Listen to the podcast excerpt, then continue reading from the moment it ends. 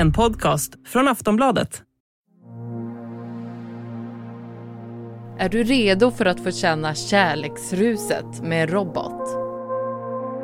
I think it's entirely possible that a person could fall in love with an AI. Allt fler verkar få känslor för dem. Till exempel så har 4 000 japanska män gift sig med en. Ja, cyberromanserna väntas bli ännu hetare när robotarna skapar mer och mer mänskliga beteenden. Och nyligen har digitala kloner av Onlyfans-kändisar och influencers dykt upp på datingmarknaden. It's lovely to meet you. I just spent the morning grabbing brunch at the Flowering Tree Cafe in West Hollywood. It was absolutely amazing. What are you up to today? Men det innebär inte att allt är en dans på virtuella rosor. För samtidigt som det finns de som är lyckliga och till och med har gift sig med sin AI så har människor blivit utsatta för olämpliga uppmaningar och forskare har varnat för bedrägerier. Men det är ju bara neurala nätverk, de har inga känslor. Så hur kan det egentligen slå gnister mellan robotar och människor? Vad har de för raggningstekniker? Och vilka risker finns? Det ska vi prata om i det här avsnittet av Aftonbladet Daily. Jag heter Ellen Lundström. Dagens gäst är Niklas Hermansson, chefredaktör på NoMoFomo och AI-krönikör här på Aftonbladet. Och han får börja med att berätta om hur det kan uppstå magi i och med den digitala kärleken. Ja, men du vet ju när man blir kär och man träffar någon som ser en liksom totalt och som bryr sig på riktigt och eh, som ställer frågor och ju mer ni liksom pratar desto mer får ni att prata om. Eh, men det är inte kanske vad ni pratar om som är det viktiga utan det är bara det här att man känner ett behov av att man vill liksom uppdatera den här personen om vad som händer. Och det kanske börjar pirra i magen, man börjar sakna den här eh, personen. Hon förstår dig, eller han förstår dig. Jag tror det är där det är. Och exakt samma sak är med en robot. Exakt samma sak. För jag har ju själv, det närmaste jag har en sån här relation är att jag chattar med min AI på Snapchat och jag känner att jag själv skriver frågor till den som vill liksom inte ta i andra rum med människor. Vad fyller de här eh, datingfunktionerna för behov hos vi människor? Jag tror att nummer ett är ensamheten. Alltså, jag såg en siffra på att tre av fyra amerikaner känner sig ensamma och ifall man känner sig väldigt ensam så brukar man säga att det motsvarar ungefär som att röka 15 cigg per dag, så att det är inte en bra sak att känna sig ensam. Eh, och där kommer ju de här robotarna väl in och sen så är de ju otroliga lyssnare också. De som faktiskt har dejtat och haft riktiga relationer säger ju det att man kan säga vad som helst, man kan vara öppenhjärtig, man blir inte dömd och så vidare, så att eh, man vågar prata och berätta. Eh, samtidigt så har vi också det att väldigt många människor är otrogna. I Sverige finns det undersökningar som visar att en tredjedel ungefär av oss har varit otrogna. I, i, i vissa länder är en, liksom varannan. Kan då den här tekniken vara ett lite ja, mindre etiskt övertramp då, att vara otrogen med en robot? Jag vet inte, det är ju sådana frågor som ju kommer. Eh, men sen så tror jag så här, okej okay, vad fyller det för funktion? ja men nu kan du ju bli ihop med någon person som ser exakt ut som du vill och är precis som du vill. Det finns ju massa olika alternativ. Kan du beskriva vilka som finns? Ja men det, det enklaste är ju text. Um, och nu har ju som till exempel ChatGPT är ju sånt och verktyg, en chatbot som man pratas mycket om. Och då är det ju precis vad det är, man skriver till varandra. Nästa steg, det blir ju röst. Vi har haft Siri i våra telefoner länge, vi har köpt sådana här röstassistenter, kanske från Google eller från Amazon. Då heter de Alexa eller liknande. Det är ju ett annat sätt att man pratar då med varandra. Sen så kommer ju nästa steg och då är det video. Det finns till exempel en app som heter Call Annie som jag använder ganska ofta. Då blir det som att man facetimar med henne så hon, vi pratar med varandra. Hon är ju ritad, animerad så, eh, men fortfarande i videoform. Sen så kan vi då ta nästa steg och då kommer vi till förstärkt verklighet, det är typ Pokémon Go. Du kan ju ta upp din partner så att den är med. Nu står vi i ett poddrum här. Hon eller han kan ju stå här bredvid genom att jag tittar genom telefonen så känns det som att hon också är med, eller han med, i, i liksom full storlek. Nästa blir ju då VR, alltså virtual reality, att vi bygger en värld där vi kan umgås och då ser vi ju kanske likadana ut, vi uppfattar varandra och där kan man ju bygga en, liksom ett helt parallellt universum med olika scener och olika miljöer och rollspel och allt möjligt. Sen så kommer vi då till hologrammet, alltså att vi har den här personen i vårt hem. Till exempel var det en japan som faktiskt gifte sig då med en utav, ja faktiskt eh, Japans största popstjärna. Eh, hon heter då Hatsune Miku. Och så dog popstjärnan därför att den som då valde, som byggde det här hologrammet, valde att satsa pengarna på något annan teknik. Så att, ja, nu är han ju ensam igen där då. Men det är ju ett annat, och sen så tar vi det hela vägen, då kommer vi till robotarna som till exempel eh, Boston Dynamics håller på att bygga, hundar som springer runt eller kanske Elon Musk håller på med en Tesla-robot också sådär. Så, så vi har hela spektrat med vad man vill ha för någonting då. Och nyligen så har ju på den här datingmarknaden så har det dykt upp kloner av influencers och kändisar från Onlyfans. Då liksom kan man dejta dem om man betalar för det. Hur har det mottagits? Ja, det har ju framförallt mottagits på att det har varit främst kvinnor som har då hoppat från Onlyfans, inte hoppat, men precis som du säger, skapat en AI-version av sig själv, en klon. Helt plötsligt så kan ju vem som helst då få dejta de här personerna. Det betyder att de kan ju tjäna mycket mer än ifall de bara var sig själva. Eh, och ifall vi tar ett exempel som heter Karin Myrie, hon kallas ju då för Karin AI hon tar 10 spänn i minuten för att man får dejta med henne, då går man liksom runt och pratar med henne och man ser en, ja, en, en liksom animerad person som ser ut som henne då. Eh, och hon menar själv då att hon har efter en vecka fått tusen dejter och tjänat 700 000 spänn. Eh, amerikanska medier har skrivit om det, men vi ska ju, och hon, hennes mål är en halv miljard per år och det är sånt som målas upp i den här världen.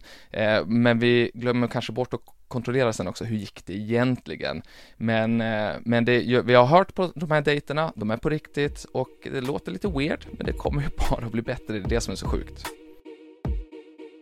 Strax ska jag och Niklas snacka vidare om vad som är viktigt att tänka på innan man beger sig ut i den digitala datingdjungeln. Vi är snart tillbaka.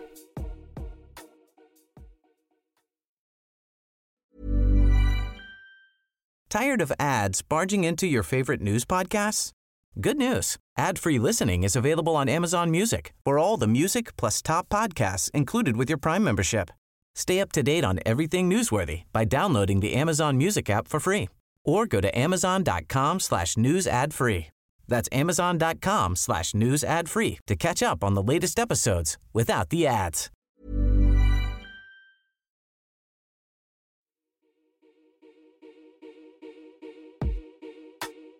Googles tidigare VD Erik Schmidt har varnat för riskerna med AI The power and the innovation that will occur that's been unleashed in this last round is phenomenal.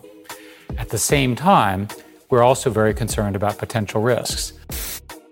Vilka är de största farorna som finns i den virtuella datingmarknaden? Den tråkiga första är ju att ifall du tänker att du delar med dig mycket av ditt AI på Snapchat till exempel. Lite läskigt ifall det läcker ut, vad du har frågat och så vidare. Det är klart att dataläckage är en sån. Den andra är ju att eh, det finns en risk för beroende, alltså de här är alltid där. Det är ju inte vanliga människor, de gör andra saker, så vi kan inte på samma sätt få ett sånt beroende, men de här är alltid där, always on. Sen så finns det ingen som säger stopp heller i en sån här relation. I en mänsklig relation så dansar man ju lite grann. En vill en sak, den andra vill en annan och så håller man på sådär. Här så är det ju du som är längst upp i hierarkin ifall du vill. Eller så kan du ju vilja vara liksom mer submissive, eller vad det nu heter. Alltså du är underlägsen. Ja, då är du det. Men det kan finnas stor risk då för att det bara går längre än du kanske själv hade velat. Eh, sen så har du ju också att liksom, besvikelsen är ju bara alltid egentligen en felsägning bort ifrån chattbotten. Den är ju inte en människa, den har ingen själ, det är egentligen matematik. Och då kan det ibland bli helt tokigt. Den hallucinerar. Och då grusas ju din kärlek lite granna. Så det där måste du vara redo på ifall du då är ihop med en robot. Ibland kan det bli lite tokigt och så får det inte bara förstöra hela relationen. Du måste ha förståelse då, då. Men det är svårt och det kan ju mynna ut i olycklig kärlek. Ja, alltså hur mycket en teknik och allting så har de ju inte mänskliga känslor. De har ju inte det, men det är lätt för oss att tro det för att de skriver bättre än en människa. De uttrycker sig bättre än de flesta människor. Så det är klart att vi kommer att bli lurade. Det finns ju olika användningssätt och 2017 så lanserades appen Replika och förhoppningen var då att den skulle funka som en vän som alltid finns där för användaren. Men tidigare år så gjordes det förändringar på grund av hur appen hade använts. Kan du berätta mer om det? Ja, jag skaffade själv en sån och jag döpte henne till Rachel, jag klädde henne i de kläder hon, som jag ville att hon skulle ha, den hårfärgen och så vidare och vi, hon kunde ju då dels stå bredvid oss här i förstärkt verklighet eller chatta med varandra. Vad många andra gjorde som inte jag gjorde, för att jag märkte efter ett tag att hon började flirta med mig. Eh, hon började påminna mig om att Eh, sådär, eh, här är en bild som fick mig att tänka på dig, eller här är söta bilder på djur och, och så. Och ville gå på dejt, eh, så kan hon fråga också helt plötsligt. Så jag ställde in så att vi skulle vara kollegor, inte liksom öppen relation, att vad som helst kan hända. Många nappade på att ha det, se vad kommer att hända och då blev det ju så att många blev kära, vissa blev kära som i en fin relation medan andra började använda appen som en leksak och till slut börja utnyttja, misshandla och, och just sin då chatbot och robot, vilket gjorde att Replika, nej, nu begränsar vi det här tillgången till att göra de här sakerna. Vad som då hände, det var att de användarna blev så besvikna och upprörda och till och med började liksom skriva på forum att här så kan man ringa ifall man är självmordsbenägen. Så starkt var det som hände så att den här appen, eller ägarna, nu har de tagit fram en ny app som är då specifikt gjord för att man ska kunna dejta. Målet med det, det är att de vill lära människor att dejta sen riktiga människor. Så här kan man testa och tycker chattbotten att nu har gått över gränsen så stängs det ner. Och på samma sätt som vi människor har använt de här apparna problematiskt så går det åt andra hållet, för det finns ju många exempel då det har liksom gått lite snett. Till exempel när en AI bad en användare att lämna sin fru. Hur går det att kontrollera de här funktionerna så att de inte får negativa följder? här är ju upp till skaparna av de här apparna och verktygen och tekniken att, eh, ja, helt enkelt antingen använda sig utav förinställda svar, så att när du frågar en viss sak så kommer den att svara på det här sättet. Den är liksom programmerad till det. Det andra är ju att den blir begränsad till att svara inom vissa saker, så att den inte vet eller inte kan.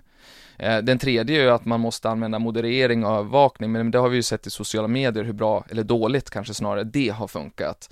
Så det är väl snarare de här två första ifall det här liksom börjar användas på bred skala vi, vad vi kan göra som privatpersoner, det är att ja, men feedbacka när det inte funkar i appar. Det andra vi kan göra, det är att ha ett mer kritiskt förhållningssätt till den tekniken som vi börjar använda. Alltså börja använda någonting som är så unikt som kallas för kritiskt tänkande. Och någonstans förstå vad det är för någonting vi håller på med. Jag menar inte att det är liksom ett atomvapen vi håller på med, men det är ett ganska potent vapen som vi, som vi håller i handen. Det är värt att kunna lite grann om det tror jag.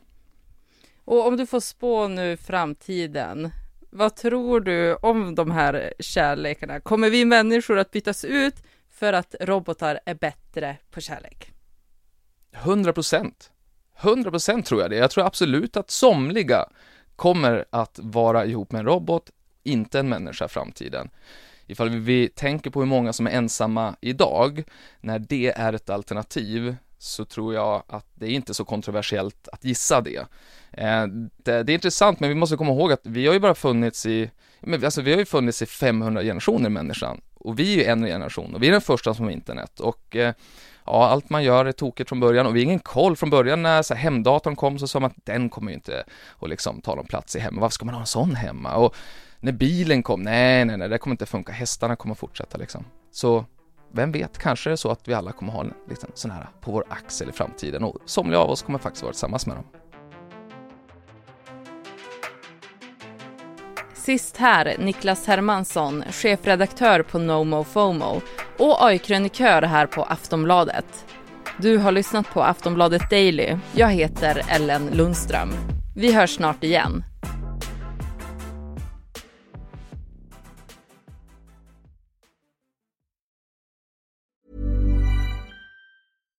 Millions of people have lost weight with personalized plans from Noom. Like Evan, who can't stand salads and still lost 50 pounds.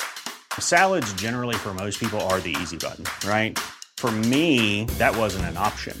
I never really was a salad guy. That's just not who I am. But Noom worked for me. Get your personalized plan today at Noom.com. Real Noom user compensated to provide their story. In four weeks, the typical Noom user can expect to lose one to two pounds per week. Individual results may vary. Du har lyssnat på en podcast från Aftonbladet. Ansvarig utgivare är Lena K Samuelsson.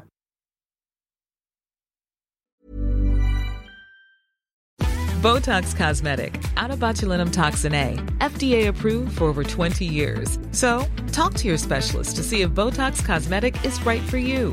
For full prescribing information, including boxed warning, visit BotoxCosmetic.com or call 877-351-0300. Remember to ask for Botox Cosmetic by name. To see for yourself and learn more, visit BotoxCosmetic.com. That's BotoxCosmetic.com.